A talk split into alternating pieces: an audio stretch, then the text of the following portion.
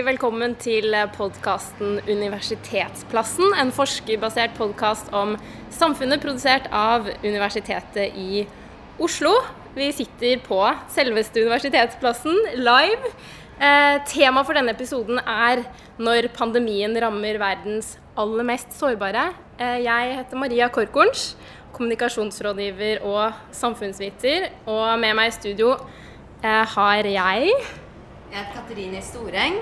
Jeg er førsteamanuensis eh, ved Senter for utvikling og miljø på Universitetet i Oslo. og Bård Vegar Solhjell. Jeg er direktør i Norad, og så har jeg en skummel fortid som politiker òg. Veldig skummelt. Hjertelig velkommen begge to. Takk. Eh, det er et eh, stort og viktig tema vi skal ta for oss denne halvtimen. Og det er et tema vi egentlig ikke har hørt så veldig mye om i denne koronaperioden. Det er ikke akkurat det som er forsidemat her i Norge. Eh, Katerini, hvordan ser smittesituasjonen ut i de fattigste landene i verden akkurat nå? Det som er eh, litt interessant med koronapandemien, er at det er første gang i etterkrigstiden at vi ser en pandemi eh, ramme de rikeste landene først. Ved slutten av mai så var over 90% av alle registrerte dødsfall i de rikeste landene. Og den situasjonen har jo endret seg noe nå. Vi har sett at episenteret har flyttet seg først fra Kina til Europa og så til de amerikanske landene. Eh, per dags dato så vet vi at rundt 200 millioner mennesker har blitt smittet eh, av covid-19, og nærmere 750 000 mennesker har dødd. Eh, når vi ser på, eh, på hvor disse smittetallene er, så vet vi at de fleste er i USA, men også 3 millioner er nå i Brasil, og 2 millioner i India. Eh, og til tross for at det har vært veldig mye fokus på å måle smittetallene, så har vi visst ganske lite om hva som har skjedd i Afrika, hvor de fattigste landene er. Eh, I pandemiens tidlige fase så så det egentlig ut som om, om Afrika kanskje ikke kom til å bli like hardt rammet som man hadde fryktet. Og tenkte at det kanskje var pga. at befolkningen er veldig mye yngre enn i Europa, fordi det er jo de eldste som blir rammet, eller at eh, mange av landene var flinke til å sette i gang tiltak tidlig. Men nå har denne situasjonen endret seg. Um, på fredag ble det meldt om at én million um, smittetilfeller nå er registrert i Afrika. Over halvparten av dem er i Sør-Afrika. Og man, de fleste anslår at det, er, eh, at det er veldig store mørketall. Mm, fordi alle de landene har jo ikke helsesystemer som rapporterer slik vi er vant til her hjemme. Nettopp. Det er veldig um, ujevn dekning av rapportering. For det første så er det veldig lite testing. Mm. de afrikanske landene har jo måttet konkurrere med de rikere landene i verden om tilgang til testmaterialer. Og selv om da, da pandemien startet, var det kun to afrikanske land som hadde kapasitet til å teste. Nå har det bedret seg betraktelig, men likevel så tester man veldig lite. I tillegg så er det ikke vi har ikke informasjonssystemer sånn som vi har i Norge, som registrerer smitte på en pålitelig måte. Og så er det også tilfeller hvor myndighetene i noen land har unnlatt å rapportere. F.eks. Tanzania har av forskjellige politiske årsaker ikke rapportert smittetall til Verdens helseorganisasjon på mange måneder. Så det er noen av grunnene til at man antar at det, det reelle smittetallet er veldig mye høyere. Hmm. Og Det er et bilde du kjenner deg igjen i, Norad-direktør. Ja, det, det var faktisk en veldig god oppsummering. uh, um, men jeg, hvis jeg skal utdype eller gå inn i noen detaljer, noen forklaringer i tillegg uh, og, så, uh, og vi sitter jo og følger tallene i Norad, som er et direktorat for utviklingssamarbeid, vi som forvalter nesten all langsiktig bistand. Så er det at, eh, som Katrine veldig riktig sa, i den første fasen, hvis du skulle sant, oppsummert i en setning, så var det kanskje at det var mye mindre smitte i fattige land, men mye verre økonomiske konsekvenser. Men det med smitten er i endring nå. Vi passerte en million på det afrikanske kontinentet. Mørketallene er trolig betydelige. Og det kan være at vi vil få mange land og fattige land som har litt av samme smittemønsteret som mange rike land har. Og der de ikke klarer på samme måte som oss å stå imot det, og ikke klarer å behandle. Bare at det går mye seinere. Og grunnen til at smitten har spredt seg senere, det er ikke minst på det afrikanske kontinentet, men en del fattige land ellers, det er jo interessant. Og det, sant, noe er opplagt. De, de reiser mindre. Det Mange av de landene har mye mindre mobilitet, ikke minst, inter, minst internasjonalt. Eh, få som reiser på skiferie til Østerrike osv. Og, og derfor kom smitten seint inn. Men det vi ser nå, det er at to tredjedeler av nye smitter på det afrikanske kontinentet skjer innenlands. Da betyr det at i ganske mange land så har smitten satt seg i samfunnet. Um, en, annen, en viktig forskjell som jeg har lyst til å ta med det er at eh, og som nå synes å være et ganske robust funn, det er at i mange land, ikke minst Afrika og sør for Sahara, så er dødeligheten betydelig mindre. Altså andelen som dør i forhold til smitta. Og det kan være flere grunner til, men en viktig grunn er nok at eh, befolkningen er betydelig yngre. Og det betyr at sant, Vi ser jo her fra Norge at veldig mange av de som faktisk dør, er eldre. Og når da befolkningen er mye yngre, så, så får det ikke samme utslag. Og Det er jo en positiv ting. Og, og, og i tillegg at helsesystemene er ofte dårlige, men det er òg sant at eh, mange land i Afrika har hatt pandemier før. Ebola, sars Det vanlige er at det, treffer fattige land mye verre enn oss. Derfor har en del av dem òg vært ganske godt forberedt, faktisk. Ja, for det, det, var egentlig mitt neste spørsmål. Hvor, hvor godt rustet er disse landene eh, til å møte pandemien, når, når, vi vet at de har vært, eh, hatt ebola f.eks. tidligere? Jeg tror, eh, som Bård Vegar sa, så er det viktig å ta med seg at dette er land som i all hovedsak har svake helsesystemer. Så de har ikke nødvendigvis et offentlig helsesystem som tilbyr gratis tilgang til helsetjenester, sånn som vi er vant til i Norge. Og det har jo vært et hinder eh, i mange land. Ikke bare i fattige land, vi kan også snakke om i USA f.eks., hvor det har hindret både smitte og behandling av sykdommer. Men jeg tror det er veldig viktig å påpeke at dette er jo land som har opplevd eh, sykdom før, eller eh, utbrudd av smittsomme sykdommer. De har aids-epidemien over en lang periode, og også utbrudd av andre smittsomme sykdommer eh, og infeksjonssykdommer som polio, lassafever og dengue og malaria osv. som de har måttet håndtere over tid. Og etter eh, ebolakrisen som rammet eh, Vest-Afrika hovedsakelig for fem år siden ca., så har det vært en enorm innsats lagt inn for å styrke det man kaller pandemiberedskap. Eh, Dvs. Si evnen til å både fange opp nye sykdommer og spore dem eh, og behandle dem. Og eh, Et eksempel på det er jo at det har blitt etablert et afrikansk eh, Center for Disease mm. Control, altså et senter for, eh, for smittebekjempelse, eh, som har bidratt til relativt god samordning mellom afrikanske myndigheter når det kommer til smittevern. Og det er blitt bygget opp laboratoriekapasitet og andre ting. Men sam og samtidig så er det viktig å se på det større bildet, at det er en eh, global bevegelse for å prøve å styrke helsesystemer og eh, å eh, øke tilgang til helsetjenester, såkalt universell helsedekning, som er et av, år, eh, nei, av eh, bærekraftsmålene. Mm. så det pågår jo parallelt et arbeid med å prøve å øke tilgang. Men, men Det er jo ikke Det er jo f.eks. Vi snakket om Rwanda ja. i går sammen. Der er det én sykepleier per 1000, mens ja. vi her i Norge har ca. 18. Ja, så, så, så, det er noe med på en måte om man klarer å ta unna også med personell? Jo, altså helsepersonell er jo en av de største utfordringene som mm. helsesystemet har. Og det skyldes jo eh, til dels at mye av det helsepersonellet som utdannes i verdens fattigste land, migrerer til rike land for å jobbe i Norge, Storbritannia, USA og andre land. Eh, men under kriser sånn som den vi er gjennom nå, så ser vi jo også at helsepersonell er ekstremt sårbare eh, for sykdom. Veldig mange av de som har blitt smittet i Sør-Afrika f.eks., er helsepersonell, og de har ikke eh, tilgang til beskyttelsesmateriell osv. Men det er jo bare én side av historien, og vi har jo sett under ebolakrisen at selv land med svært svake helsesystemressurser har klart å få bukt med, med smittsomme sykdommer ved å ta i bruk egentlig ganske lavteknologiske eh, folkehelsetiltak, som det å faktisk spore smitte på en effektiv måte, eh, sette i gang karantene og smittetilsvar og følge nærkontakter osv. Det er jo tiltak som krever menneskelige ressurser, men ikke nødvendigvis et høyteknologisk og avansert helsesystem.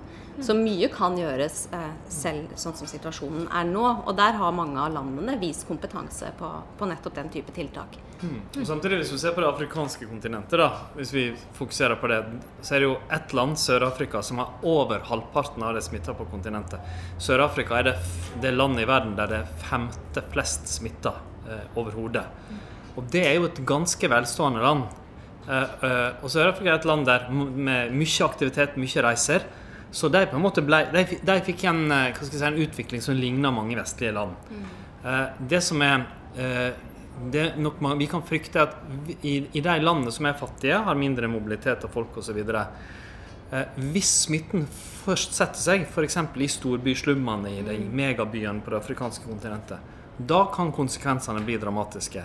For det har de ikke gjort ennå. Nei, det er sant, du, du, du ser at noen land som Egypt og Algerie i nord, eh, land som Nigeria og Ghana i Vest-Afrika Nigeria er det mest folkerike landet i Afrika. De har ganske mange smitta, men ikke en situasjon som Sør-Afrika eller Brasil eller, eller enkelte europeiske land. Men dersom det skulle skje, så er, for det første så bor folk veldig tett. Eh, og i mange av de områdene så vil være folkehelsetiltak være vanskeligere. Rent vann og såpe og de helt elementære tingene er ikke der. Og som Katarine sier, sånn, helsesystemene, selv om man skulle for, forbedre det litt nå, vil være mye svakere enn vi har.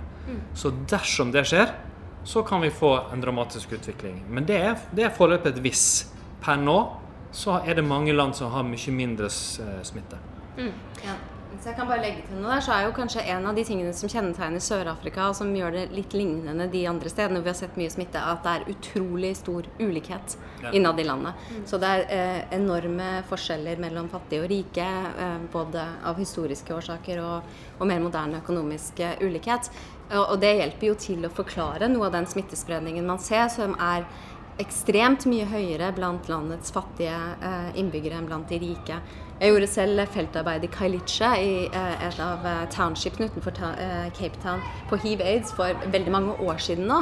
Men det er ikke vanskelig å forestille seg hvordan smitte spres i et område hvor det bor veldig mange mennesker i et lite eh, altså eh, midlertidig hus, hvor man deler alle ressurser med naboer, hvor man ikke har tilgang nødvendigvis på rent vann til å vaske hender, ja. og hvor, hvor, man er, eh, hvor man må reise for å tjene til livets opphold. Mm. Jeg husker jeg så en, en reportasje på NRK eh, der det var Det var fra Townshipen, jeg vet ikke om det var den eh, du, du gjorde feltarbeid i. Men der var det en familie på ni som hadde ett såpestykke på deling, og ikke nødvendigvis nok vann heller. Så det er litt sånn derre ja, Det er ikke så lett eh, for folk her hjemme nødvendigvis å sette seg inn i hvor dårlige kårene er, eh, er der heller. Nei, men, ja, eh, men i tillegg til mangel på helt basale ting som, som vann og såpe, så ser vi jo et lignende mønster også i rike land. Hvis du ser til Storbritannia eller USA for den saks skyld, som jo er høyinntektsland, så er det jo de fattigste, de mest sårbare i de statene som har lidd mest.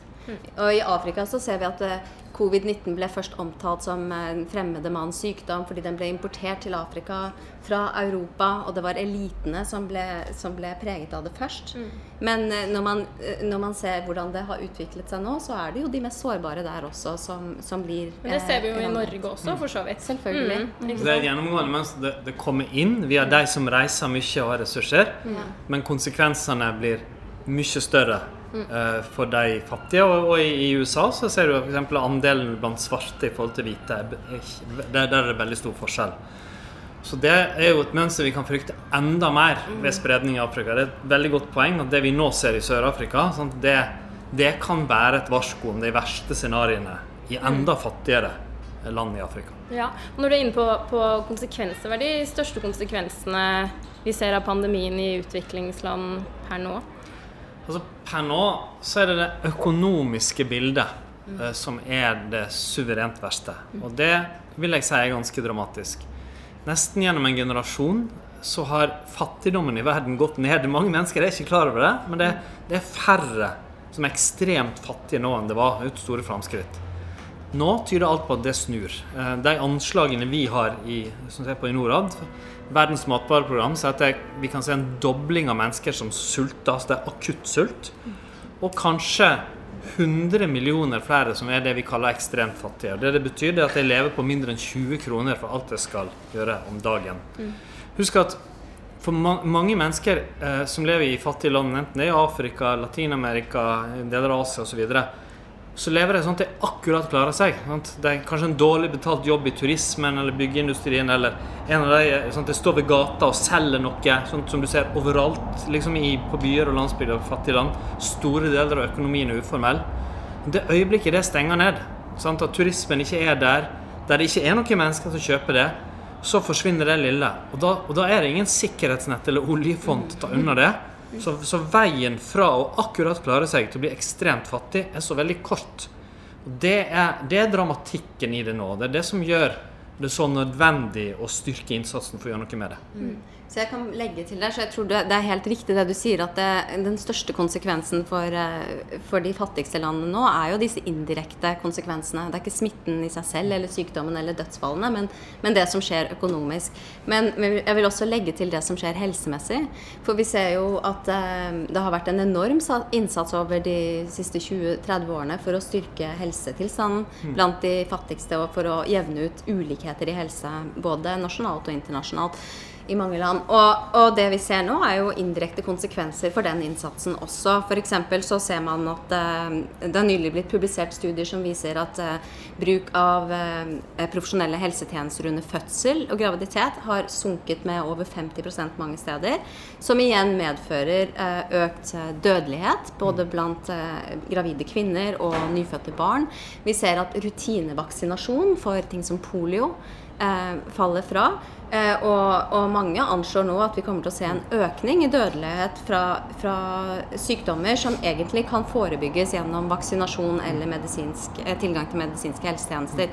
Og det er noe som kommer til å ta lang tid til å reversere. Og det henger jo både sammen med at eh, mennesker ikke har råd til å gå til, til, helseinstitusjoner lenger. For det er jo stort sett snakk om land hvor man betaler for å bruke helsetjenester. Men også sammen med at all helseinnsatsen har blitt da flyttet til covid-19, og at helsesystemet har blitt enda mer eh, enda svakere fordi mange helsearbeidere har blitt påvirket. Det er kanskje, sånn, det er kanskje hvor store konsekvensene får for mange andre ting, som jeg mm. syns kjennetegner mange fattige land. Hvis vi skal ta to ord om utdanning i Norge så husker mange sikkert at det var litt debatt i vår om hvordan det ville gå med elever som ikke kan være på skolen og hjemme. Og òg at barn som lever i familier der det er vold, eh, få vil kunne oppleve at det blir mye verre. Særlig sårbare barn blir rammet hardt. Eh, og det er klart, i mange fattige land er det enda mye verre. Eh, og det er òg sånn deprimerende fordi framskrittene har vært så store. Ni av ti barn går på skole nå før pandemien internasjonalt. Det er kjempeframskritt som er, betyr utrolig masse for utvikling. Og jeg har sagt, snakka om det mange ganger i taler og sånn sjøl. Og så opplever du at plutselig at ni av ti barn var hjemme. Og der, sant, Dels er tilgangen på undervisning da, veldig dårlig. Eh, noe av det vi i Norad og Norge gjør, er å tilby digital undervisning der det er mulig. Eh, mange er ikke det så lett å bare få tilbake igjen på skolen. Det, ikke, det, det, det har vært en stor prosess. Vi ser at barnearbeid øker. Vi ser at antallet som blir gifta bort mot sin vilje, øker. Eh, vold og overgrep helt klart. Så det er klart, de, de, store konsekvensene for samfunnet for øvrig, det er kanskje det som skiller seg. Vi, vi ser utfordringer i Norge, men her kan vi håndtere mye av det. Mm. Og, og, frykten nettopp for den type konsekvenser som du skisserer, det er jo grunnen til at mange, mange globale helseeksperter har gått ut og advart mot å innføre samme type tiltak som vi bruker i høyinntektsland, i lavinntektsland. Eh, ja, det stemmer kanskje at mange afrikanske stater fikk bukt med smitten eh, i starten fordi at de hadde veldig strenge restriksjoner, men det har jo da medført ekstreme konsekvenser som de ikke kan opprettholde. Og mange har nå gått ut og sagt at eh, her må man virkelig ta ekstremt vanskelige vurderinger. Det, det, er veldig store dilemmaer eh, som står på spill her. Liksom, skal man virkelig utsette befolkningen for denne type økonomisk krise i tillegg til Særlig når krisen, den helsemessige krisen ikke engang har manifestert seg. Mm. Eller skal man ikke Er det ikke mange som sier at ehm, Eller at flere forskere har sagt at, eh, at flere vil dø av disse langtidsårsakene enn av covid? Ja. I, I, de fattige landene. Jo, det, mm. altså, I tillegg så ser vi jo Hvis vi tar India som eksempel, da. Da ble det jo da innført eh, ekstremt strenge tiltak. Alle ble alle, altså Der har du en situasjon hvor veldig mange fra landsbygda er gjestearbeidere i byene. Alle ble bedt om å dra hjem fra en dag til en annen. Um, og tok da selvfølgelig med seg smitten til landsbygda, hvor de nå bor uten noe inntekt eller tilgang til helsetjenester. Det er jo da et eksempel på hvordan innføring av restriksjoner som kanskje kan, som vi kanskje kan håndtere konsekvensene av i et rikt land som Norge, ikke egner seg like godt. Hvor du ikke har et sosialt sikkerhetsnett som kan følge opp de konsekvensene. Mm. Men apropos altså, sikkerhetsnett. Vi, vi, som gir bistand, blir jo et form for sikkerhetsnett. Og det er flere land som har kuttet i bistandsbudsjettene pga.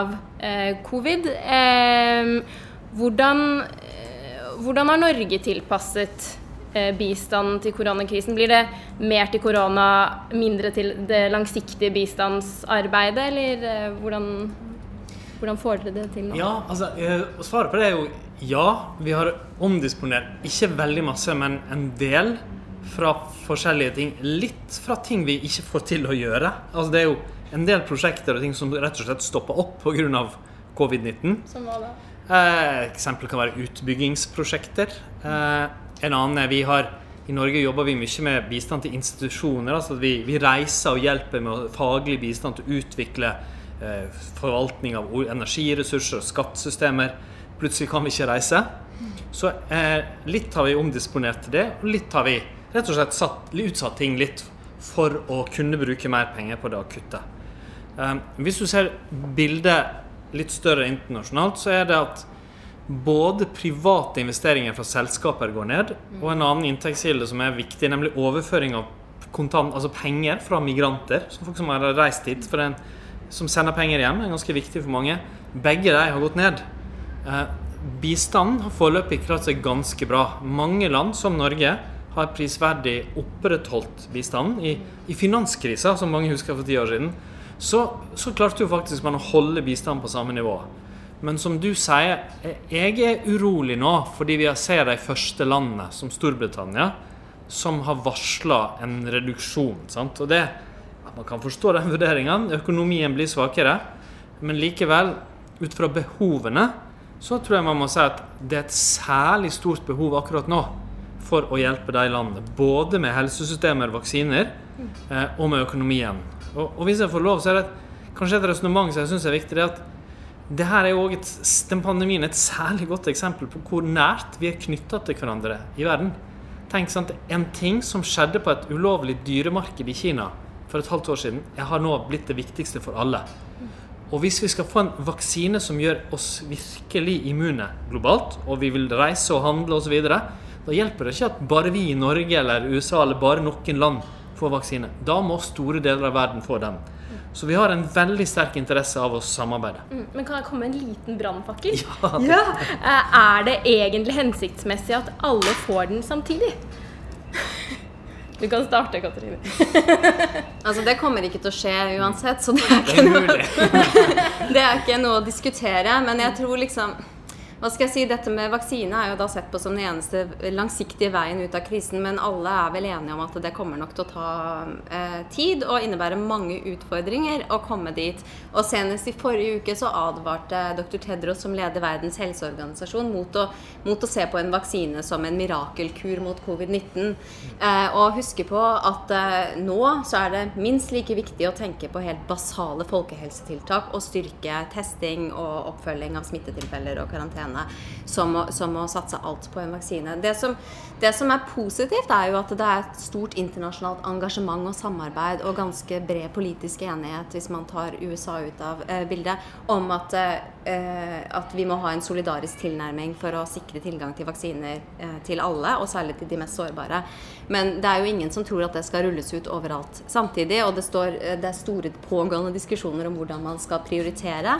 Eh, jeg vet at eh, de internasjonale diskusjonene som pågår nå, snakker om et mål om å vaksinere 20% av befolkningen i, i, de landene som deltar i det internasjonale samarbeidet mm. Covax innen 2021. Så det er helt naivt å tro at vi om kort tid kommer til å se universell dekning av vaksinasjon. Men det er jo klart at selv litt tilgang til vaksine vil jo være veldig positivt, særlig for helsearbeidere som er veldig sterkt rammet.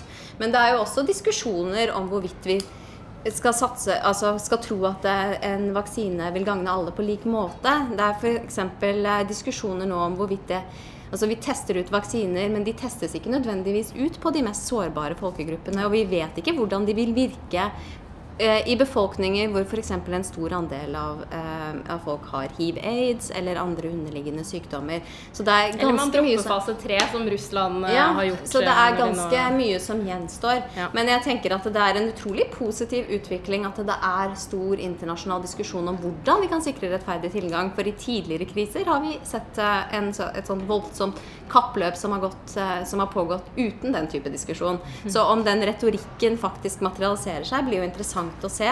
Mm. Fordi samtidig som internasjonalt samarbeid foreligger, så er det jo også et kappløp blant private vaksineutviklere og produsenter Som jo ikke nødvendigvis eh, vil gi eh, tilgang eh, Mm. på en noen rettferdig For der er det snakk om at Eller jeg så Legger uten grenser var ute og sa at de ikke ville ha patent At, at disse firmaene ikke skulle ta patent på de fordi at da ble det ikke fordelt rettferdig og ja. Altså, jeg tror det kan bli en veldig Det kan bli en av de største sakene i internasjonal politikk det neste år eller to. Ja.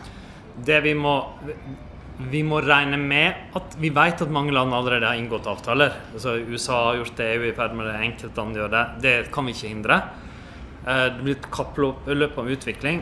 Men det som er viktig i tillegg, er det klart for, Fordelen om flest mulig land kan få tilgang til en del doser, sånn f.eks. at nøkkelpersonell i helsevesenet osv. kan få en vaksine når og hvis den blir utvikla, den er veldig stor. Så jeg håper at vi kan få, få i hvert fall en, et sterkt element av fordeling. Og da må land som Norge og og andre være med på å finansiere det for en del fattige land. Eh, Og det er altså Regjeringa har gått inn i noe som heter COVAX, som da er det Gavi, som mange kjenner til. De som driver har lang erfaring med vaksiner. Det er Verdens helseorganisasjon. Og den, den vaksineorganisasjonen som heter CEPI, som står bak det. Og Der er målet at eh, man inngå, har inngått avtale med en del aktører. og Får man det, så skal både vi, Norge og de andre landene som er med, få en del doser. Men vi skal òg bruke en del ressurser på at fattigere land kan få en del av det. Så det er en form for fordelingsmekanisme som kan både sikre en del rike land, men samtidig flere. Og det, jeg mener det er i vår interesse å spre det tjukkere utover, heller enn at noen få land skulle få veldig mange av de tidlige dosene. Og, og akkurat den mekanismen COVAX er jo et eksempel på at det er en bevegelse mot å diskutere nye mm. mekanismer for fordeling internasjonalt som går forbi bistand. Man snakker f.eks. om eh, hva kaller man det på norsk, global public investment som en mulig måte å finansiere globale fellesgoder som f.eks. vaksine. Og det er jo eh, noe som gir litt håp for fremtiden. Ja, for hvis man skulle si liksom, Det er jo noe positivt oppi det her. En?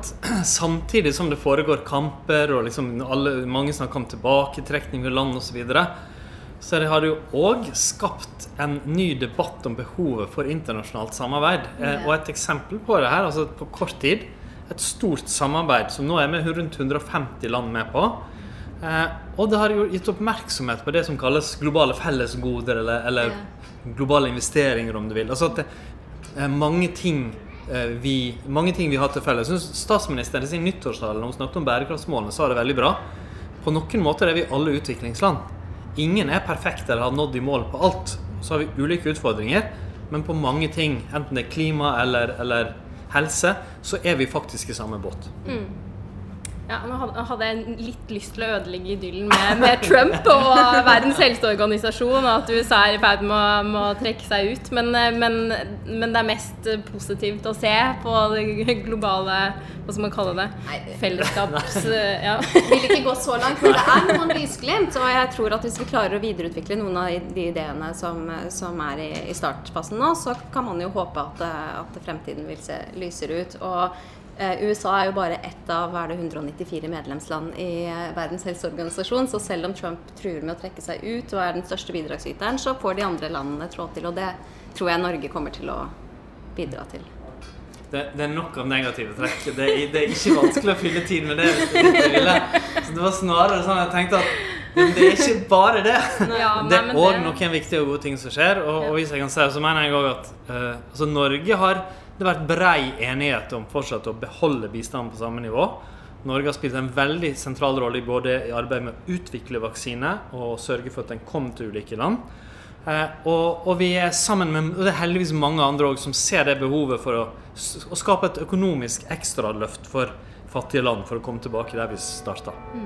Hvis jeg bare kan få legge til en ting, så tror jeg det er en annen positiv ting som har kommet ut i dette her, eh, av denne krisen, er større oppmerksomhet på det man kan kalle sosiale helsedeterminanter, og hvor viktig det er å sikre gode eh, levekår for folk. Altså hvor viktig det er for helse. At ikke det bare handler om vaksiner eller medisiner, men at måten folk bor og lever og jobber på, er vel så viktig. Så det har vi jo sett bredt illustrert nå i høyinntektsland, og kommer til å se det også i de fattige landene. Det er en diskusjon som har pågått i akademia i minst eh, 30 år. Men at det nå står på forsiden av avisene internasjonalt og snakkes om i offentligheten internasjonalt, det tror jeg er en veldig positiv eh, ting som jeg håper eh, vi kommer til å se konsekvensene av i den politikken som utformes for fordeling og rettferdig tilgang til helsegoder eh, i tiden fremover. Ja, da får det bli siste ord.